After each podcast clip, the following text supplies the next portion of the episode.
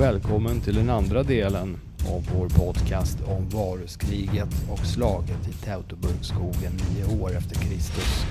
Där vi fokuserar på Rom och upprorsbekämpning. Min gäst är ånyo docent Fredrik Tissner, min kollega från militärhistoria på Försvarshögskolan. Och eh, vi kommer att fokusera på själva slaget, där Fredrik berättar om förloppet. Han kommer att berätta om det som hände efteråt, om de romerska försöken att pacificera Germanien, att återföra lugn och lydnad.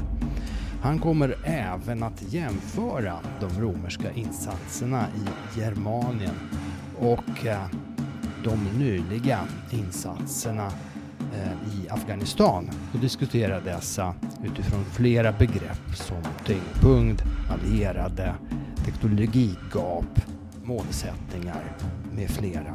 Vi har delat upp denna podcast så att eh, historien om slaget, om det som hände efteråt och, och jämförelsen kommer först och sedan bjuds ni på en diskussion av eh, källäget gällande de romerska operationerna i Germanien. Vad kan vi veta med säkerhet? Jag heter Piotr Wawrzeniuk och är redaktör för denna podcast. Tillika docent vid militärhistoria på Försvarshögskolan. Nu har vi gått igenom eh, förutsättningarna, eh, bakgrundshistoriken och förutsättningarna som fanns där omkring år 9 nu, nu får du allt berätta en hel del om varuskriget för oss. Som, alltså de här händelserna, operationerna som ledde fram till det spektakulära nederlaget. Vi kan ju börja med, med, med, med själva händelsen. Då. Vad, är, vad är det som har hänt och vad är det som är som spektakulärt med det här? Jo, det är ju det att år 9, sensommaren, någonstans i augusti, september faktiskt, och det, finns, det kommer tillbaka till då, varför vi vet att det faktiskt är så. Men eh, i augusti, september så, så eh, har vi då de här tre legionerna plus de här hjälpförbanden som har varit på ett, som vi var inne på tidigare då, en sån här framskjuten position i det inre av Germanien och de är på väg hem nu. Den som är befälhavare sedan år 7 efter Kristus, det är då Quintilius Varus. Quintilius Varus är en man som, ja, nu är det vet ju om det här med källkritik och så vidare, men, men, men, han har då en bakgrund som ståthållare i, i Syrien bakom sig när han, när, före det att han blir, blir skickad till Germanien. Då. Och han är ju då nära, nära vän naturligtvis med kejsaren, med Augustus, här då. Eh, hans förtrogne man. Eh, som har fått det här, upp, det här, det här uppdraget. Och, och man tycker egentligen att det går ganska bra Alltså romarna präglar till och med ett mynt där man, eh, så, så, med, med, med, i en båge står det så här Germania capta, det vill säga Germanien erövrat och så är det en bild på en kvinna som ligger på marken så där, som ska fram, framstå som mm. hjälplös, det hjälplösa Germanien eller Germanien som, som, som har så säga, slagits till marken. Så, där. så att man tycker att det här går ganska bra på det hela taget. Eh, Quintilius Varus har eh, som särskild rådgivare en annan romersk officer eh, och det är den här Arminius. Arminius bakgrundshistoria är, ja, så vitt vi vet då utifrån de källor som finns, så är han troligen han tillhör egentligen ursprungligen den här kiruskerstammen. Han är, han är en del av den kiruskiska aristokratin. Men som barn har han tagit som pant för en, för en separat fred eller för något slags avtal som, som romarna har ingått med kiruskerna, en så kallad barngisslan. Och det låter ju hemskt förstås. Eh, men poängen med att ta barngisslan, det är helt enkelt det. Det är inte så att man sätter dem i någon mörk, mörk källarhåla liksom i, i, i Rom eller sådär. Utan vad man gör är att man tar de här, den här panten, så att säga, de här, de här goss, gossarna och så får de en god romersk uppfostran. Alltså över, överklass, så att säga, uppfostran. Gärna stoppar man också in dem i, i, eh, så att säga, i, i sätter dem i militärtjänst. Arminius gör, hans far heter, liksom, vi vet ju inte som jag sa tidigare vad han heter egentligen, eller hette ursprungligen, men, men Arminius är det namnet han har i, i, i de här källorna. Hans pappa hette Segimir, eller Se, Segimer eller någonting sånt där. Det låter ju lite nästan isländskt sådär va. Eh, vet vi, eller säger källorna att han hette och var en sån här stamhövding. Och Arminius gör en väldigt bra karriär. Han, han, han stiger i graderna. Han är framförallt är han, är, är han då, eh, han, han är kavallerist. Han gör en kar eh, kar eh, karriär i det, i det ganska lilla då, romerska kavalleriet. Romarna är inte stora på kavalleri. Egentligen. Han är bland annat med i, på, på Balkan där man har en, en stor, stor också ett sånt där uppror som leds av någon som heter Bato. I, jag tror att det är nuvarande Bosnien faktiskt.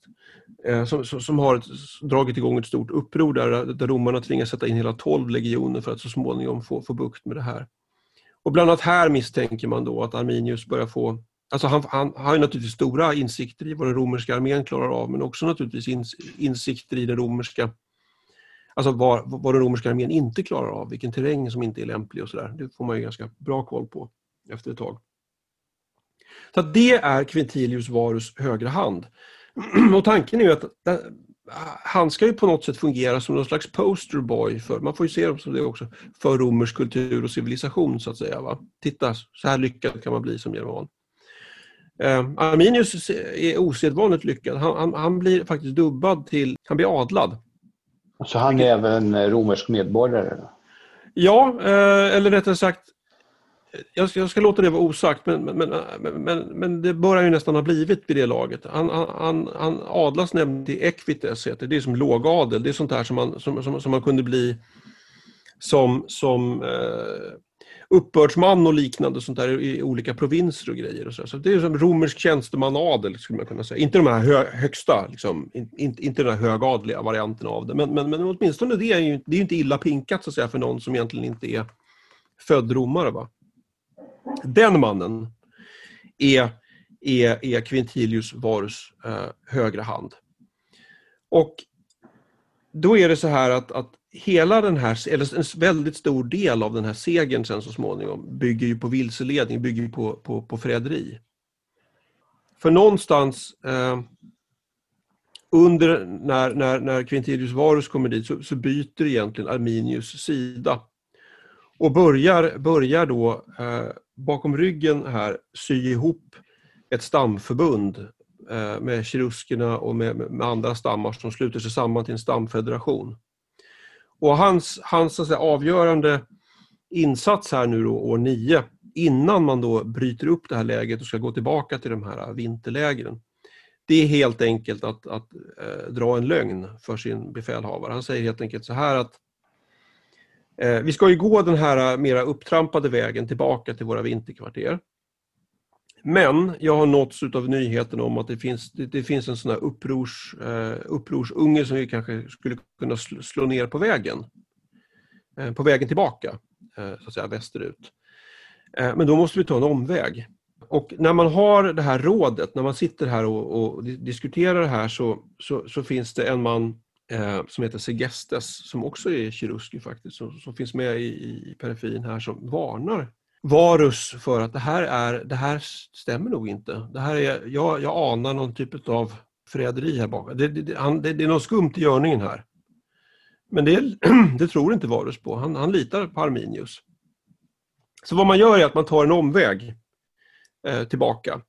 Och det, det, finns mycket riktigt inget uppror. Eh, Arminius rider i förväg, för här, nu är han ju då chef över, över, det, över kavalleriet det, som, som romarna har. Det råkar vara germansk kavalleri, alltså det är ju de här eh, auxiliärförbanden då, så det, det germanska kavalleriet då. Om jag rider i förväg och rekar ungefär så, säger, säger eh, Arminius till Quintilius Varus och så, så, så möts vi på en viss punkt. Sådär. Och den här omvägen är naturligtvis en sån här eh, väg som går genom en sån terräng som är väldigt kanaliserande. Romarna pressas ihop. De kan inte alltså få ut de här legionerna liksom på, i, i, sådär, utan den är väldigt ogynnsam den här terrängen. Och sen så, så, så slutar det då med att, att, att de här romerska legionerna och de auxiliärförbanden som finns kvar där eh, helt enkelt överfalls utav eh, German, eh, de, de, de, de här stammarna som ligger i bakhåll för dem. Man har fältarbetat och byggt, byggt vissa vallar och förskansningar och såna här saker. Och sen överfaller man dem helt enkelt. Och, och, och man, får ju tänka sig att vad, vad, som händer då, siffrorna varierar lite grann och det beror helt enkelt på att vi vet inte hur fulltaliga de här legionerna är. Men alltså, Den lägsta uppskattningen är att det rör sig om 10 000 personer som kommer i den här, det här följet och den höga uppskattningen är kanske 25 000 personer, så det är ganska mycket människor ändå. Oavsett vilket då. Ja. Så, som är utdragna som en lång orm då. Liksom, sådär, va? Ja. Och det är, den där, det är den där ormen man liksom eh, helt enkelt styckar upp. Sådär, va? Man skapar ett stopp någonstans och sen så börjar man helt enkelt hugga upp ormen. Eh, och det här gör man ju inte på en eftermiddag direkt utan det här, det här tar enligt, enligt antika källor så tar det ungefär tre dygn för romarna att göra det, eller för germanerna att åstadkomma det här. Eh, sen kan vi bara spekulera i hur, hur lång tid det tar i verkligheten och hur många av de här som undkommer och så vidare. Några bör ju rimligen ha gjort det, även om många då blir nedkämpade här. Eh, så att det här, hela det här eh, Hela den här händelsen bygger egentligen på, på ett förräderi då, eller på, någon slags vilseledning där man får in romarna i en gynnsam terräng, alltså rent taktiskt då, så man kan göra det här. Eh, anledningen varför germanerna då ändå tycker att det här är en bra idé att göra detta. I antika källor då så, så, så säger man helt enkelt att ja, det finns flera skäl då. Problemet är att de källorna som nämner det här de är tillkomna långt senare och bygger väl på källor som i sin tur har gått förlorade, som ligger närmare i tid och sådär. Men en, en, en sån här viktig sak för germanerna det, är- det är den romerska skatten helt enkelt. Det vill säga man, man, man kan inte beskatta det här fattiga samhället på samma sätt som man kan göra i exempelvis Gallien utan att folk börjar svälta ihjäl och fara illa. Och det leder till, till, till, till, till en väldigt stor eh, frustration. Det är en anledning som anförs. Andra anledningar som finns här det är, det är ju att eh, den romerska rättsskipningen skiljer sig från den germanska. Ehm, och att det är helt enkelt ett intrång i liksom germanska sedvänjor. Man vill, ha, man, man vill hålla fast vid det som man är van vid. Så att säga. Man, det finns också sådana skäl eh, bakom det här. Ehm, som gör att, att, att, att, att man tycker att det här är en bra idé då, att nedkämpa, att, att motsätta sig romersk, eh, romersk kontroll. Varför Arminius själv gör det här och, och, och ställer sig i spetsen för det här, det kan vi liksom inte veta. Eh, men man kan ju också rekonstruera händelserna, det som hände med Arminius efteråt. Då. För att det är ju inte så att Arminius då eh, allting slutar ju liksom inte lyckligt med det här. Vi har ju varit, redan varit inne på det att romarna skickar ut straffexpeditioner och man försöker komma åt, komma åt honom och sådana här saker. Och, och hämnas och eldar upp säkert en massa saker och sådär också. Arminius blir nämligen 21 efter Kristus så blir han ju mördad. I, och det är en intern maktkamp bland, bland keruskerna. Så att vi kan, väl, vi kan väl för all del då ana oss till att han kanske sympatiserar mer med sitt, med, med sitt liksom ursprungs, ja, sitt hemland om man får uttrycka sig så och människorna som bor där och deras belägenhet. Det kan man ju för all del tycka, liksom, sådär, tro. Men man kan ju också tänka sig det att han i, under sin tjänst i det romerska imperiet så ser ju han, alltså idén om ett rike, idén om ett imperium exporteras kanske också med Arminius. Att här kan han ju, han kommer nämligen inte längre än Equites i, den romerska, eh, i, det romerska samhället. Men på hemmaplan så skulle han ju kunna bygga någonting mycket större. Han skulle ju kunna, alltså det är ju bättre att bli, om man uttrycker sig så, kung i Germanien eller kung över germaner än, än, än att att fortsätta vara liksom Equites i Rom. Så, så man kan ju ana också att, att, att, eller man kan åtminstone spekulera om det, att han har ju kanske egna så att säga, maktpolitiska motiv och som, som man sen då inte köper internt utan därför blir han då mördad 21 efter Kristus. Så småningom så, så för kiruskerna en ganska tynande till, tillvaro som politisk kraft, verkar det som. Så det bygger på bakhåll och det bygger på bakhåll i, i, i, i terräng som passar germanerna väldigt bra det här kan vi konstatera, romarna noterar ju också att det här är förräderi och svek. Och det, det ser vi i hur romarna benämner det här. De har, jag, jag har sagt varuskriget, det är nämligen så som romarna benämner det här officiellt. Och det är ju lite konstigt då för att, att, att man uppkallar upp, eh, ett krig efter, efter, efter, efter den egna befälhavaren som dessutom förlorar. Quintilius Varus själv begår ju självmord. Det ska man ju göra om man, om man är en hedersknyffel så att säga, i de här sammanhangen när det går dåligt. Det är inte riktigt de kraven vi har på svenska myndighetspersoner idag, men romarna hade sådana krav. Ehm,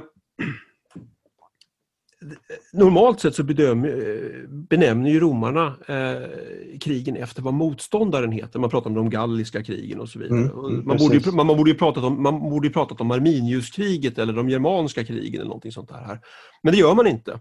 Och då har det helt enkelt att göra det att, att det här är en, det här är en usling till förrädare och att, att, ge, att uppkalla ett krig efter Arminius vore att ge honom alldeles för stor ära och, alldeles för stor betydenhet. Så att säga. Ja, det bygger liksom på, på, på, på, på, på svek och vilseledning det här som gör att, att germanerna kan komma åt de här förbanden på det här sättet. Och naturligtvis en massa politiskt fotarbete på, på, så att säga, bland de här germanska stammarna för att få till den här eh, stamkoalitionen. För det är ju inte helt lätt gjort heller. Liksom.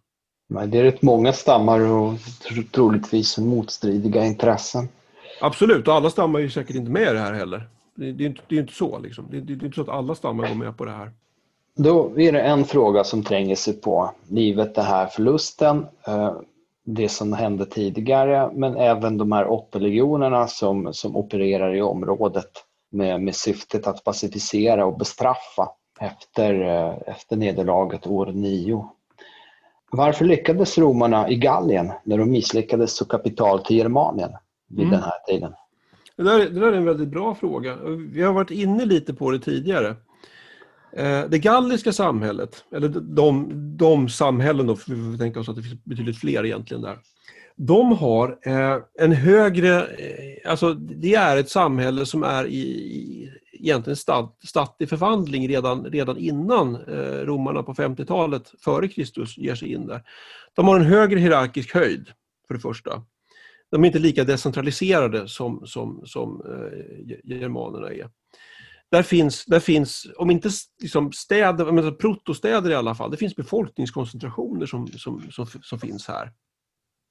Och det är klart, överallt där det finns städer, överallt där det finns sådana här saker, eh, det utgör ju då på ett sätt, givet den här romerska upprorsbekämpningsdoktrinen, det, det utgör ju tyngdpunkter. Som, om, om det kärvar för mycket i förhandlingarna så kan man ju alltid, liksom, man kan alltid elda upp en stad. Liksom, eller, eller så.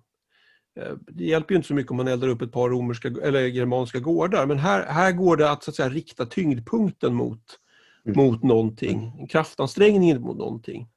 Och sen är det också så här att om du har ett hierarkiskt samhälle med någon slags överhövding eller sådär, om man byter ut honom mot en romersk ståthållare men behåller alla underliggande så att säga, kanaler och kontakter så ja, då har man ju kontroll. Man, man, egentligen tar, man tar ju bara över en, en, en, en befintlig struktur för kontroll. Och så, och så gör man den kontrollen romersk så att säga. Men om det inte har den här hierarkiska verkshöjden eller den här hierarkiska höjden, då blir det där, det där tricket mycket, mycket svårare att göra. Liknande exempel fanns ju exempelvis när, när ja, spanjorerna eh, erövrar Sydamerika till exempel. Det, det, det, är samma saker som händer där. På vissa håll går det mycket lätt, alltså det är hierarkiska samhällen som man tar över. Och i andra fall är det, är, är det kärvare då när, när de är så att säga, mer decentraliserade. Och Gallien råkar vara just det här äh, mera, mera, mer centraliserade typen av, det är fortfarande någon slags stamsamhälle men som sagt stat, stat i förvandling. Så om man har läst Asterix, Asterix och Obelix så brukar det stå så här, ja hela Gallien var liksom under romersk kontroll utom en liten by, så där brukar det stå i början. Men det är just det faktum att det finns byar i Gallien som gör att det går att ta över det. Enkelt uttryckt. Så det är just det där som är, liksom är det historiskt liksom, inte stämmer då. Att, eh, finns det byar så går det lättare för romarna. Och i och med att Gallien har en högre befolknings, eller generellt betraktat i alla fall, högre befolkningskoncentrationer, större befolkningskoncentrationer, så finns det också en helt annan infrastruktur. Det finns ett annat, det finns ett annat näringsliv i området. Det är mycket lättare att underhålla folk permanent, alltså förband och sådär, permanent i Gallien och ha en permanent närvaro. Medan man i Germanien har, har den liksom, med årstiderna växlande liksom, kontrollen. Den är högst beroende av var, var på året vi befinner oss. Liksom. Ja. det är sådana här faktorer som spelar in. Därför går, därför går, därför går erövringen av Gallien förhållandevis fort medan den, ja, den lyckas ytterst då inte i, i Germanien. Då tänkte jag så här att vi historiker vi beskylls ju ofta för att vilja prata om gamla tider utan någon, någon som helst, eh, utan att eh, på något sätt relatera till, till dagens situation. Men det kan vi faktiskt göra i det här fallet. Ja, vi... det vill jag nog hävda att man kan göra. Man, man, kan ju inte jämföra saker ett, ett till ett. Liksom. Det har gått 2000 år. Det är naturligtvis ett liksom, problematiskt förhållande. Sådär. Men strukturellt kan man göra det. Absolut. Då, då, tänkte jag närmast på det här exemplet eh, som du tog upp i ett tidigare samtal. Där du jämförde faktiskt Germanien med, med dagens eh, Afghanistan. Alltså med, med den massiva insatsen i Afghanistan som pågick under ganska många år och framförallt det, alltså, det massiva teknologiska överläge man hade. Alltså den här ISAF-insatsen, NATO. Men man kan, ju, man kan ju konstatera om man tittar lite grann så här, att, att även, även i Afghanistan, för svensk del, är allt väsentligt nu avslutade operationen. Utfallet av det där har man ju talat lite tyst om tycker jag, efter detta. Va? Eh, men, men, men det tyder ju på att det kanske inte riktigt blev då som man hade tänkt sig. Även om det inte blev ett så här hejdundrande nederlag med, med, med buller och brak utan det var mer det att man nog tyckte att det går inte att fortsätta riktigt så här. Man har inte gett upp alltihop fullständigt men det är klart att någon, någon, större sån här insats den, den är, är under avveckling. Men en väldigt viktiga likheter det är så avsaknad av tydliga tyngdpunkter även i, även i, i Afghanistan. Mm. Sådär, I båda fallen så finns det så att säga, civilisatoriska målsättningar om man läser liksom vad, vad, vad, eller lyssnar på retoriken kring, alltså under 2010-talet och retoriken kring och 00-talet när det här drar igång. Retoriken kring vad man vill göra i Afghanistan. Jo, men man vill ju liksom bygga ett modernt samhälle med demokrati, jämställdhet, liksom, eh, förbättra villkoren för kvinnor. Helt enkelt bygga ett nytt samhälle, ett, ett, ett drägligare Afghanistan. Det är det man vill göra. Liksom. Och naturligtvis är det ett drägligare Afghanistan definierat så som, så som man, man menar att samhället är i väst. Och många av de här punkterna har säkert många av de här som bor i Afghanistan eh, har, har, har, inga problem med det här. Men, men i andra avseenden så är det väl kanske mer tveksamt att man kanske köper det där. Ja, men båda, båda operationer har i någon mening civilisatoriska eh, målsättningar i båda fallen. En annan likhet är att man måste tillföra under, eh, underhåll, eh, måste tillföras utifrån. Man kan liksom inte, den militära närvaron i Afghanistan är ingenting man underhåller med, med eh, lokala resurser utan det måste till, tilltransporteras. Det är också så att eh, Afghanistan präglas av en bitvis eh, kraftigt bristande infrastruktur. Det finns infrastruktur där men den är säsongsbetonad. Liksom, på vintertid så snöar pass och grejer igen och det blir svårare att röra sig. Och så där. Man kan naturligtvis transportera saker och ting med helikopter och så, det går ju att göra men även det har ju en begränsning. Liksom. En annan likhet är att allierade i Afghanistan är inte, är inte heller alltid pålitliga. Det pratar man om att den afghanska polisen är korrupt och att det finns en massa olika sådana här saker. Att de, att, att, att, att de som man ser som allierade, de grupper som man har som allierade, ja de är allierade så länge det går bra för, för, för, för den här för, för, för, NATO så att säga. Men, men sen när det går dåligt så, så byter man sida. Helt enkelt för man satsar hela tiden på den vinnande hästen eftersom man vet om att de om några kommer ju leva kvar i, i, i det här området medan ISAF kan ju dra när som. Det finns heller inte egentligen det återstår väl att se, men, men egentligen något fungerande politiskt centrum, så som vi känner till det i alla fall. Sådär. Det finns ju någon slags regering i Kabul, men, men makten är de facto uppdelad mellan olika klanledare, byäldstar, krigsherrar och så vidare. Och det gör ju naturligtvis också att divide et impera maximen kan, kan ju faktiskt fungera. Det, gör, det gjorde den ju också i början, eh, 2001 när amerikanerna körde igång. Då byggde man ju en sån här koalition på det sättet. Liksom. Och försöken att vinna Hearts and Minds kan man nog misstänka är lika framgångsrika egentligen i Afghanistan som de var i, i Germanien. Det vill säga att det fungerar så länge rätt personer anser sig ha något att vinna på det. Men så fort det försvinner så blir det inte så. Mm. Mm. Ja. Men sen finns det ju skillnader också. Det, det, vill jag ju vara tydlig med. Det är inte så att vi kan likställa, liksom, för det vore ju också konstigt. Men, men man, kan, man, man kan ju säga så här att eh, teknologigapet var, var, var nog ändå mindre år 0 trots att det är högst asymmetriskt. Liksom. Eh, det är knappast så att talibanerna varken kan eller kunde liksom fysiskt förinta en motsvarande en hel ISAF-division eller en armékår sådär i ett slag av egen kraft. Det, det fanns ju nog aldrig på kartan. Liksom. Man kan lägga ut IED och man kan störa och man kan bråka på, på det sättet men man kan liksom aldrig göra det här totala, åstadkomma ett sånt här liksom nederlag på slagfältet som Marinus gjorde. Medias roll är givetvis kraftigt annorlunda idag. Vi har, vi har ju stora restriktioner i våldsanvändningen. Liksom. Det går inte att göra som romarna och hämnas och hålla på liksom, och ge sig på civilbefolkningen. Och, och liksom in, utan det är bara den här ljusa sidan av Hearts and Minds som man egentligen kan spela på. Det är svårt att, så att säga, eh, bedriva avskräckande. Eh, alltså med, med exempel avskräcka folk. En annan, en annan skillnad eh, är, som vi var inne på tidigare, alltså germanerna uppträder ofta i reguljära formationer. sådär, när de är samlade. Det, kräv, det krävdes ju exempelvis år 9 att man ändå samlade en ganska stor mängd folk för att, för att åstadkomma det här. Liksom. Det gjorde inte riktigt talibanerna. Eh, det är ju en skillnad. Eh, Germanska enheter kunde ändå bara vara i fält under, under, under kortare perioder, i alla fall i större antal får vi anta. Och det gjorde de ju ändå svårgripbara då på något sätt, att man kunde slå till med någon större taktiskt sådär. Va? Men sen så är man ju tvungen att ändå efter ett par veckor eller sådär återhämta och liksom sprida ut sig igen. Det skiljer sig lite grann ifrån från hur talibanerna har uppträtt. De har ju inte startat några sådär konventionella storoffensiver och sådär av, av ganska förståeliga skäl för då skulle man ju få, få, få spö. Liksom. Ska man titta på, på lite, lite långsiktigt och titta på liksom områdenas respektive ekonomi Eh, för det spelar ju också en viss roll för, för, för det här med hur, man, hur väl man kan lyckas. Om vi tar Gallien som ett exempel, det har vi pratat om eh, tidigare, men eh, det galliska samhället är ju förmodligen också mer välintegrerat rent ekonomiskt i den, i den romerska ekonomin. Det finns ganska mycket att tjäna på för gallen att ändå vara en del av det romerska imperiet, så att säga, även ekonomiskt. Så. Men tittar vi, jämför vi Germanien med, med, med eh, Afghanistan så kan man konstatera att dagens Afghanistan, jag menar de, framförallt är ju Afghanistan känt för produktion av opie, opievallmo. Liksom. Det vill ju inte vi ha. Det är liksom en, en, en, så fort man behöver ha cash där, så fort det finns ett sånt där vilket talibanerna då i början eh, hade stora restriktioner på. För det var ju liksom inte man, hade de pengarna man behövde ha tyckte man, tillräckligt med pengar i alla fall. Och då, och då, kunde man som ideologiskt motivera att det här var förkastligt att, att exportera liksom råvaror till heroin och andra, andra saker. Men så fort det blir liksom eh, olika parter som, som är, är, är, är, intresserade och behöver ha in pengar för, för vapen och annat, ja men då, då, då vrider man ju på den här opiekranen igen då. Men det är, liksom det, det, är, det är ju det som är Afghanistans liksom riktigt stora exportvara, om man ska vara krass.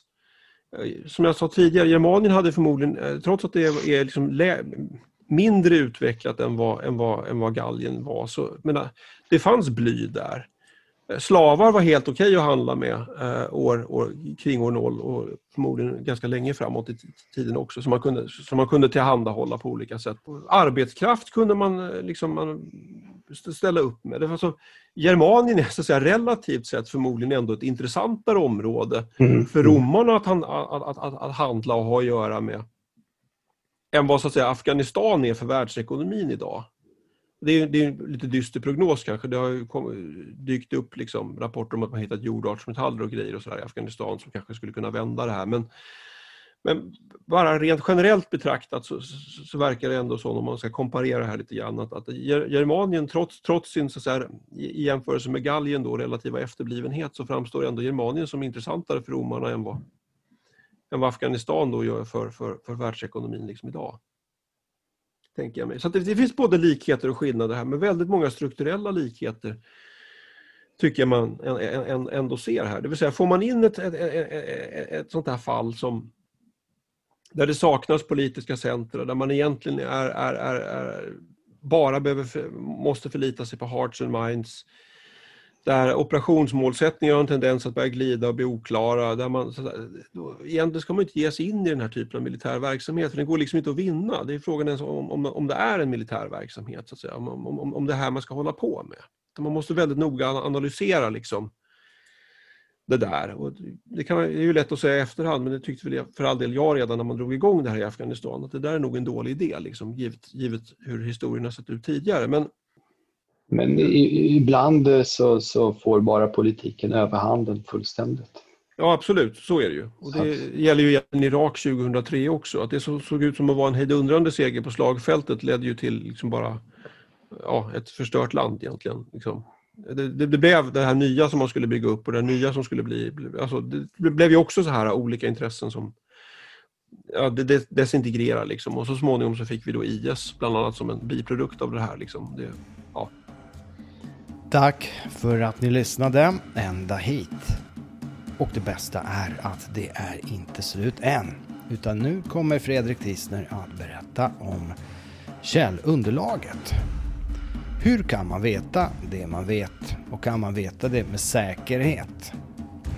Allt detta berättar Tissner i detta nu, åtminstone de närmaste 25 minuterna. Vi hörs i nästa podcast, men jag räknar med att ni stannar kvar och njuter av Tissners och mitt samtal.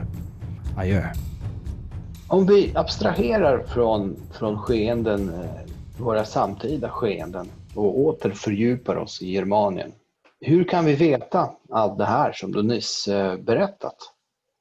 Vilka källor ja. finns det till, till den här historien som, som är pålitliga? Hur pass mycket kan vi lita på dem? Ja, det där, det där är en väldigt bra fråga. Och, och för det första kan man säga så här då, om, om, vi, om vi tittar på just själva slagfältet år 9. Så det är ju lite speciellt, för att det har man ju hittat i modern tid. Sådär. Vi har känt till det i 500 år. Man kände till det i samtiden givetvis, men sen har det fallit i glömska. Men man, man, har känt till det i ungefär 500 år, men man har inte känt till platsen för det. Så, så va? Och det, det, det, tycker jag vi ska fokusera på. Sådär. Men rent allmänt så är det ju så att det är massa utgrävningar som att, att romarna har hållit till i och haft, haft permanenta läger och by, byggt ut liksom hamnanläggningar och sådana saker. Det är känt. Liksom.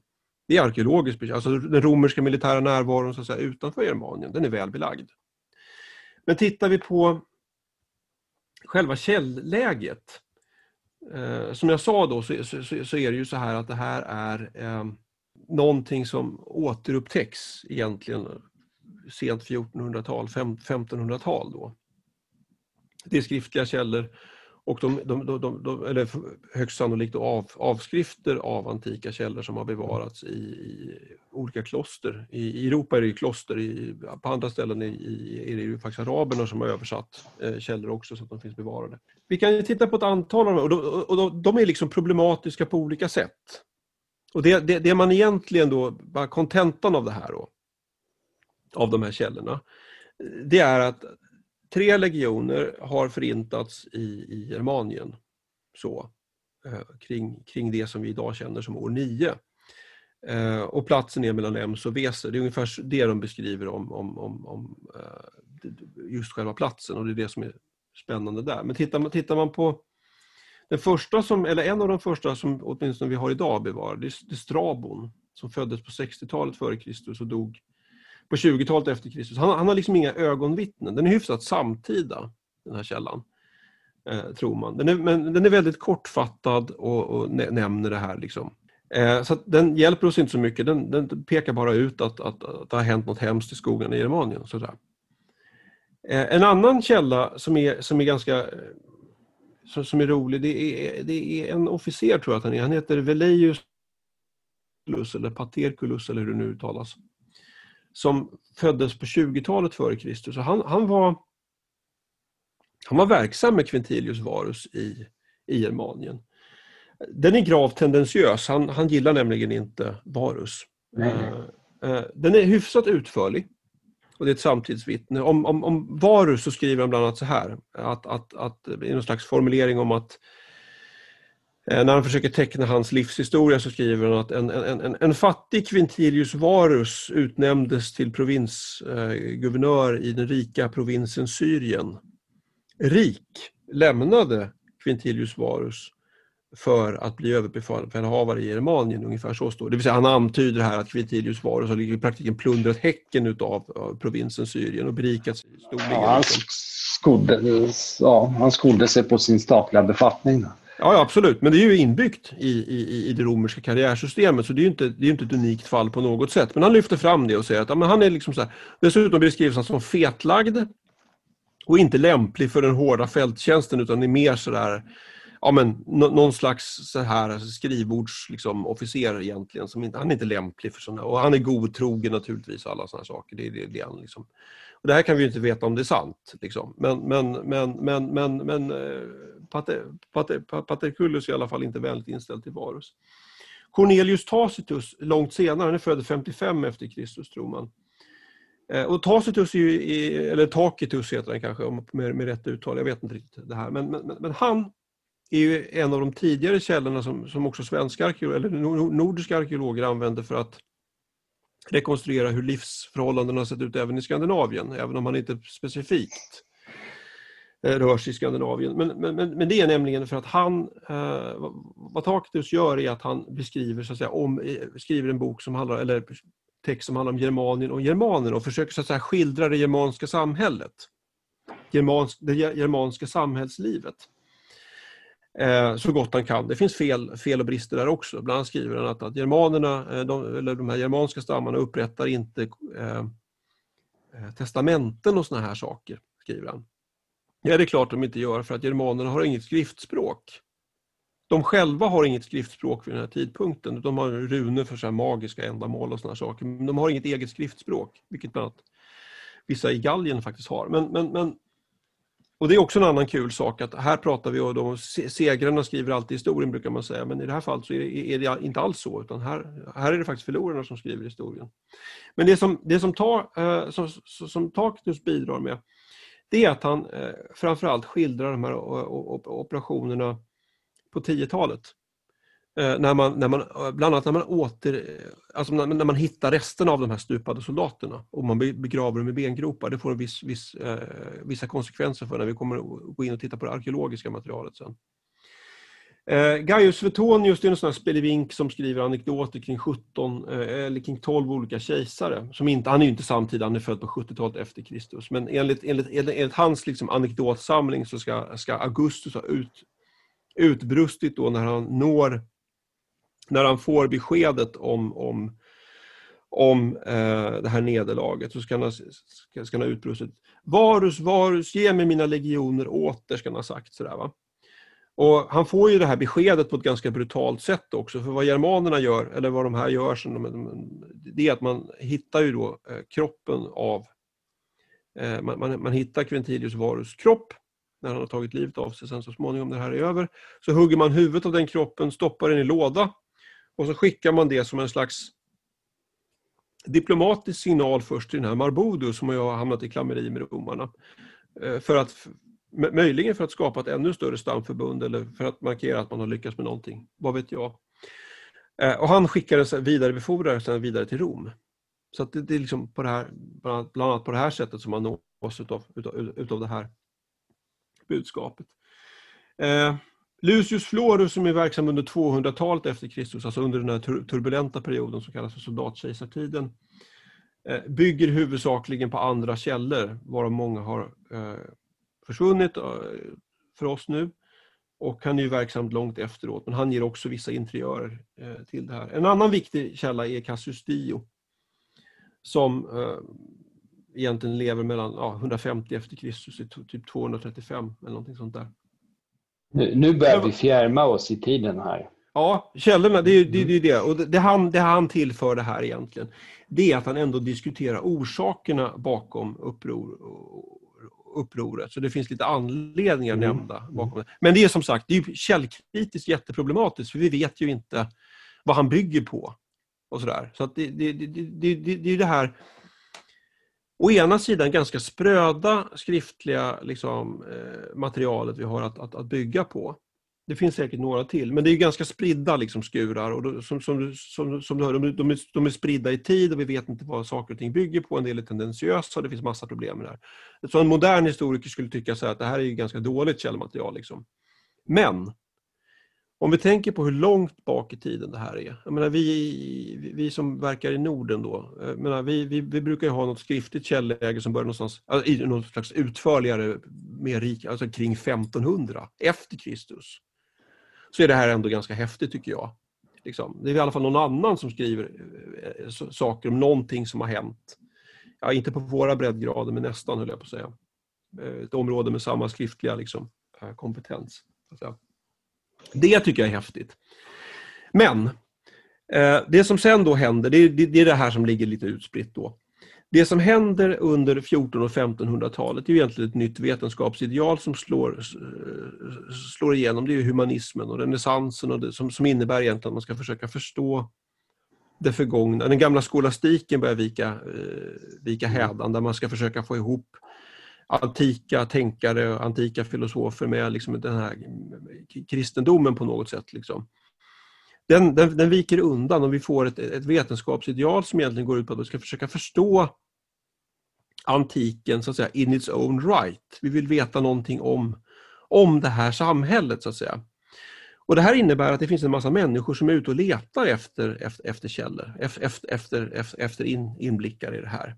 Och då blir de här klosterbiblioteken bland annat då intressanta att besöka. Och det är här man så att säga återupptäcker det här på, på ja, någonstans eh, 1400-1500-talet. Då. Så det här, man, man, man, får då nya inblickar i det här att oj, det har hänt någonting ganska spektakulärt i Germanien.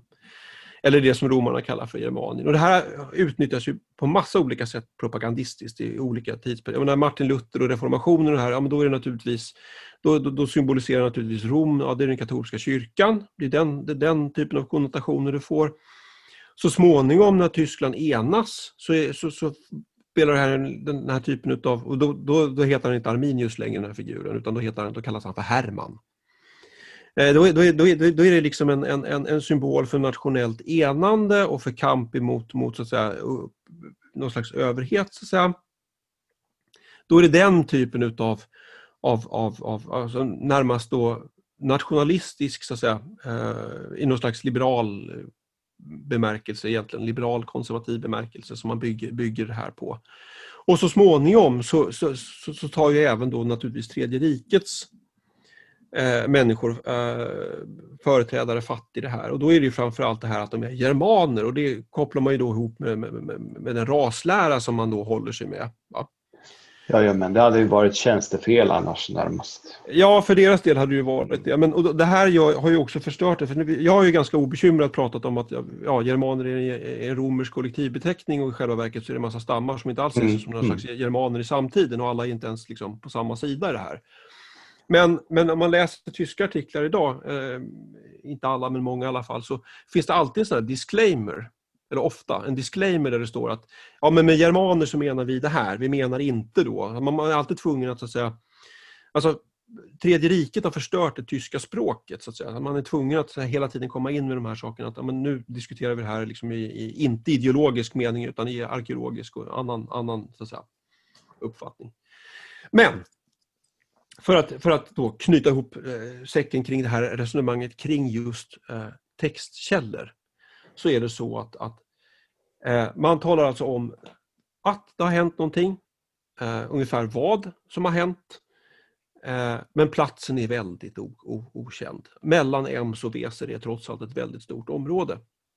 Och Det här leder till en massa olika spekulationer, hypoteser. Jag tror någon har räknat ut att det fanns 700 hypoteser ungefär i svang om var det här slaget skulle ha eh, ägt rum. Och man, med olika sätt har man försökt att liksom, eh, konstruera de här hypoteserna så att det skulle hamna just i sin hembygdsförenings socken så att säga. För alla, alla hembygdsföreningar liksom i Tyskland med någon typ av självaktning vill ju naturligtvis att det här ska utkämpats liksom i, eh, på sin egen så att säga, eh, plats, e egen socken. Så att säga. Hermans, eh, det som kallas för, för det här monumentet som bland annat reses eh, i ja, sent 1800-tal, tidigt 1900-tal, ligger på fel plats. Bland annat. Hermans Denkmal är inte liksom eh, rätt plats då.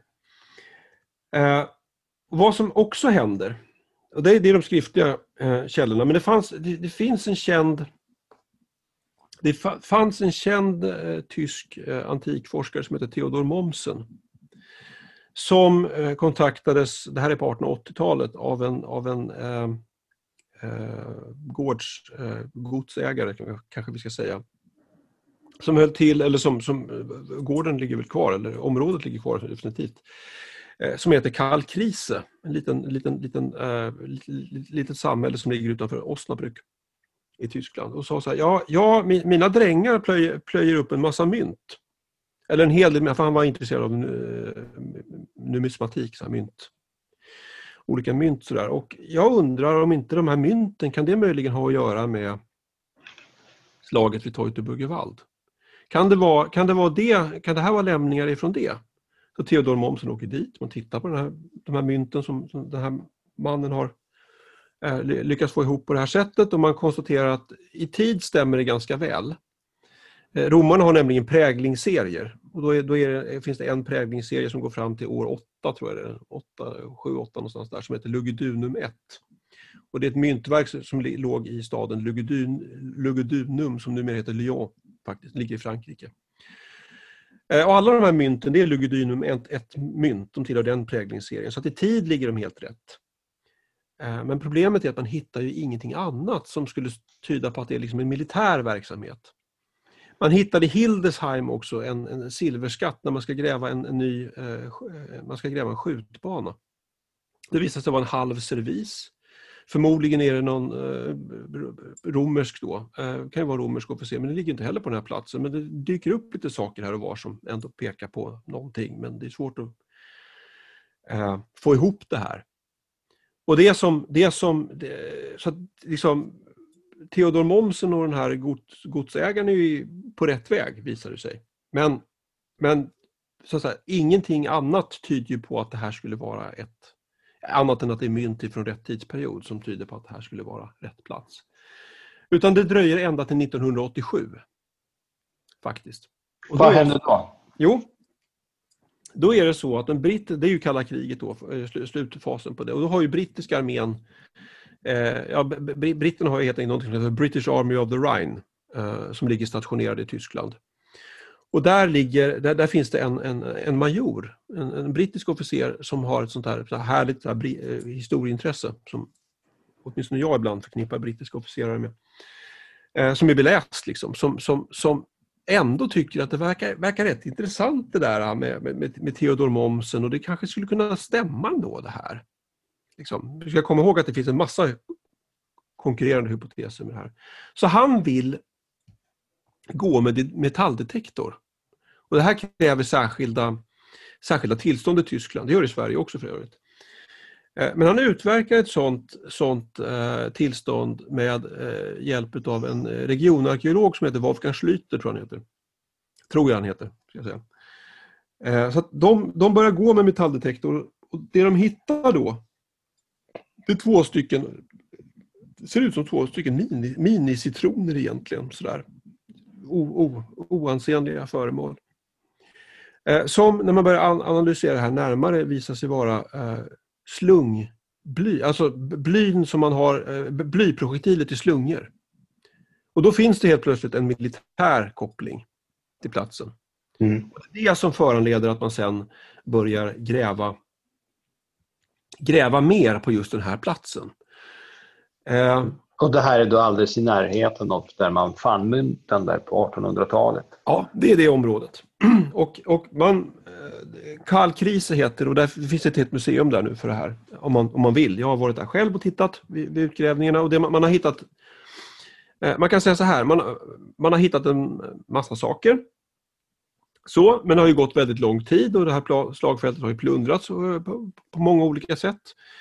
Men, men, och det som är den liksom, logotypen för det här museet, det är en, det är, det är en sån här eh, mask, en riddarmask en, eh, som man har för ansiktet. Det kan man gå in och titta på nätet, kalkriser liksom, om man söker på det och liksom, så, så kommer den här masken dyka upp. Det är det mest ett av de mest spektak spektakulära fynden man har hittat.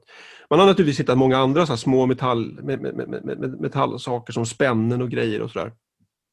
Som, som, som hör till till olika grejer. Och jag tror att nu i år, eller om det var förra året, så har man också grävt fram faktiskt, eh, om jag förstår det här rätt nu då, eh, det tidigaste exemplaret av en romersk eh, rustning av, av, av här, det som kallas för lorica, den här bladpansartypen. Liksom, med, mm. med, med, tidigare hade man eh, halvor av sådana rustningar från Storbritannien. Eh, 200 år senare. Men, men det är ju faktiskt samma, samma typ. Den där Augustus nya New Model Army-rustning liksom som man har hittat. Det är det senaste jag har hört.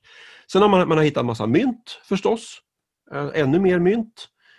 Eh, man har hittat alltså, en del alltså, spj, alltså, pilspetsar och spjutspetsar och såna här saker. Men man, alltså, den som tror att man hittar driver utav rustningar och grejer, den, den, den blir, blir liksom lite besviken här.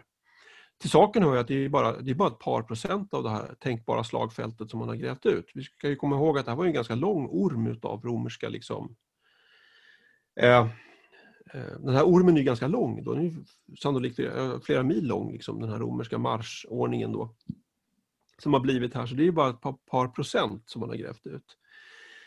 Uh, andra grejer, man har hittat rester av ett sånt här uh, sannolikt då, germanskt befästningsverk, en vall som man har liksom skott, skottat upp. Det är under den här vallen man har hittat den här uh, riddarmasken ska vi säga också. Faktiskt. man kan också bekräfta saker i de här antika källorna faktiskt. Trots att jag har, nu och då har först sagt att de är spröda och problematiska. Men det finns en massa saker man kan bekräfta i de här som är intressanta. Dels har man hittat ett antal bengropar som, som, som Tacitus eh, omtalar. Och Det är mycket riktigt så att det är djur och människoben huller om buller som ligger i de här bengroparna. Det är väl, det är väl kanske ett tiotal personer man har hittat. Eh, man kan konstatera att de här benen som finns bevarade har skador så att säga post mortem, alltså det är djur som har gnagt på, eh, de, de låg ute ett antal år innan, innan, innan romarna återfann det här och begravde det. Liksom. Ja. Eh, så det, de har skador post mortem och de skador som, som, som, som, man ändå hittar på de här benen som inte då kan dateras till efter dödsfallen, de, det är grovt traumatiskt våld då, att man ser att det liksom skallar, kranier med väldigt stora skador på och sådana saker. Eller hugg, hugg som har gått in i benen då och lämnat liksom sådär. Man kan också konstatera att de här benen, när de inte är djurben, så är de välnärda. Relativt välnärda och det kan man jämföra med, med olika germanska gravar i, från samma tid och där kan man konstatera att de, de benen, eh, i de fall eh, man har begravt dem på det sättet, eh, har eh, spår utav undernäring. Alltså, de är som haft tillgång till sämre kost helt enkelt. Så det här är, det här, och de, här, de som man har hittat åtminstone är alla manliga men det är ingenting som säger att eh, Quintilius Varus legioner inte hade kvinnor med sig. Sannolikt fanns det ju sådana i trossen. Officerare och kanske till och med soldathustrur och sådana grejer. Va? Eh, och marketenterskor och liknande. Det har, ju säkert, det har ju säkert varit med. Det har säkert inte varit en helt enkönad armé där heller. Men de man har hittat nej, har, varit, eh, har varit manliga mm, eh, mm. skelett. I åldern 20 till 45 år. Det stämmer ganska väl till ja. väl på legionärer. Sen har man hittat, och det här tycker jag är en av de coolaste fynden faktiskt. Man har hittat eh, skelettet av en mulåsna. Det låter ju lite så här trivialt kanske. Också och vad talar mulåsnan om för oss? Jo, den, den, säger för det första det att, att mul, mulåsnor är ju, det är ju en korsning, de finns ju inte vilt i naturen. Så det här är en import, importprodukt i faunan. Eh, romarna hade i regel eh, oxar och sådana här tyngre dragdjur när man, när man transporterade grejer va, med, med trossen. Och det kan ju för del ha funnits sådana här också. Men förmodligen är det ju så att det här är en lokal anpassning till, till, till, till förhållandena för att klara av det här. Så mulåsnan är, är inte, finns liksom inte vilt i Germanien. Så, va? Utan det här, är, det här är tillhörande romerska armén och den har man ju tittat Arkeologerna kan göra så mycket balla saker idag. Eh, en sån här häftig grej man kan göra det är eh, strontiumanalyser. Man analyserar helt enkelt den radioaktiva isotopen strontium och den får man i sig eh, bland annat via bakgrundsstrålningen. Så genom att göra en strontiumanalys kan man titta på var den här eh, människan eller det här djuret har levt någonstans och så kan man dessutom se lager, om den har flyttat sig. Sådär, va? För mm. att olika, olika berggrunder har olika så säga, strontiumprofiler om jag har förstått det här rätt. Jag är ju historiker och inte arkeolog. Då. Men, men då kan man så att säga matcha de här olika profilerna mot, mot olika platser eller olika områden. Och då kan man konstatera att den här mulåsnan har varit väldigt berest. Alltså den har rest runt i södra Europa och så vidare med, med sannolikt då de här, eh, med den här legionen innan den har hamnat här. Men en annan eh, lite, lite kuslig sak också det är att den här mulåsnan har, ett, har en bronsbjällra runt halsen.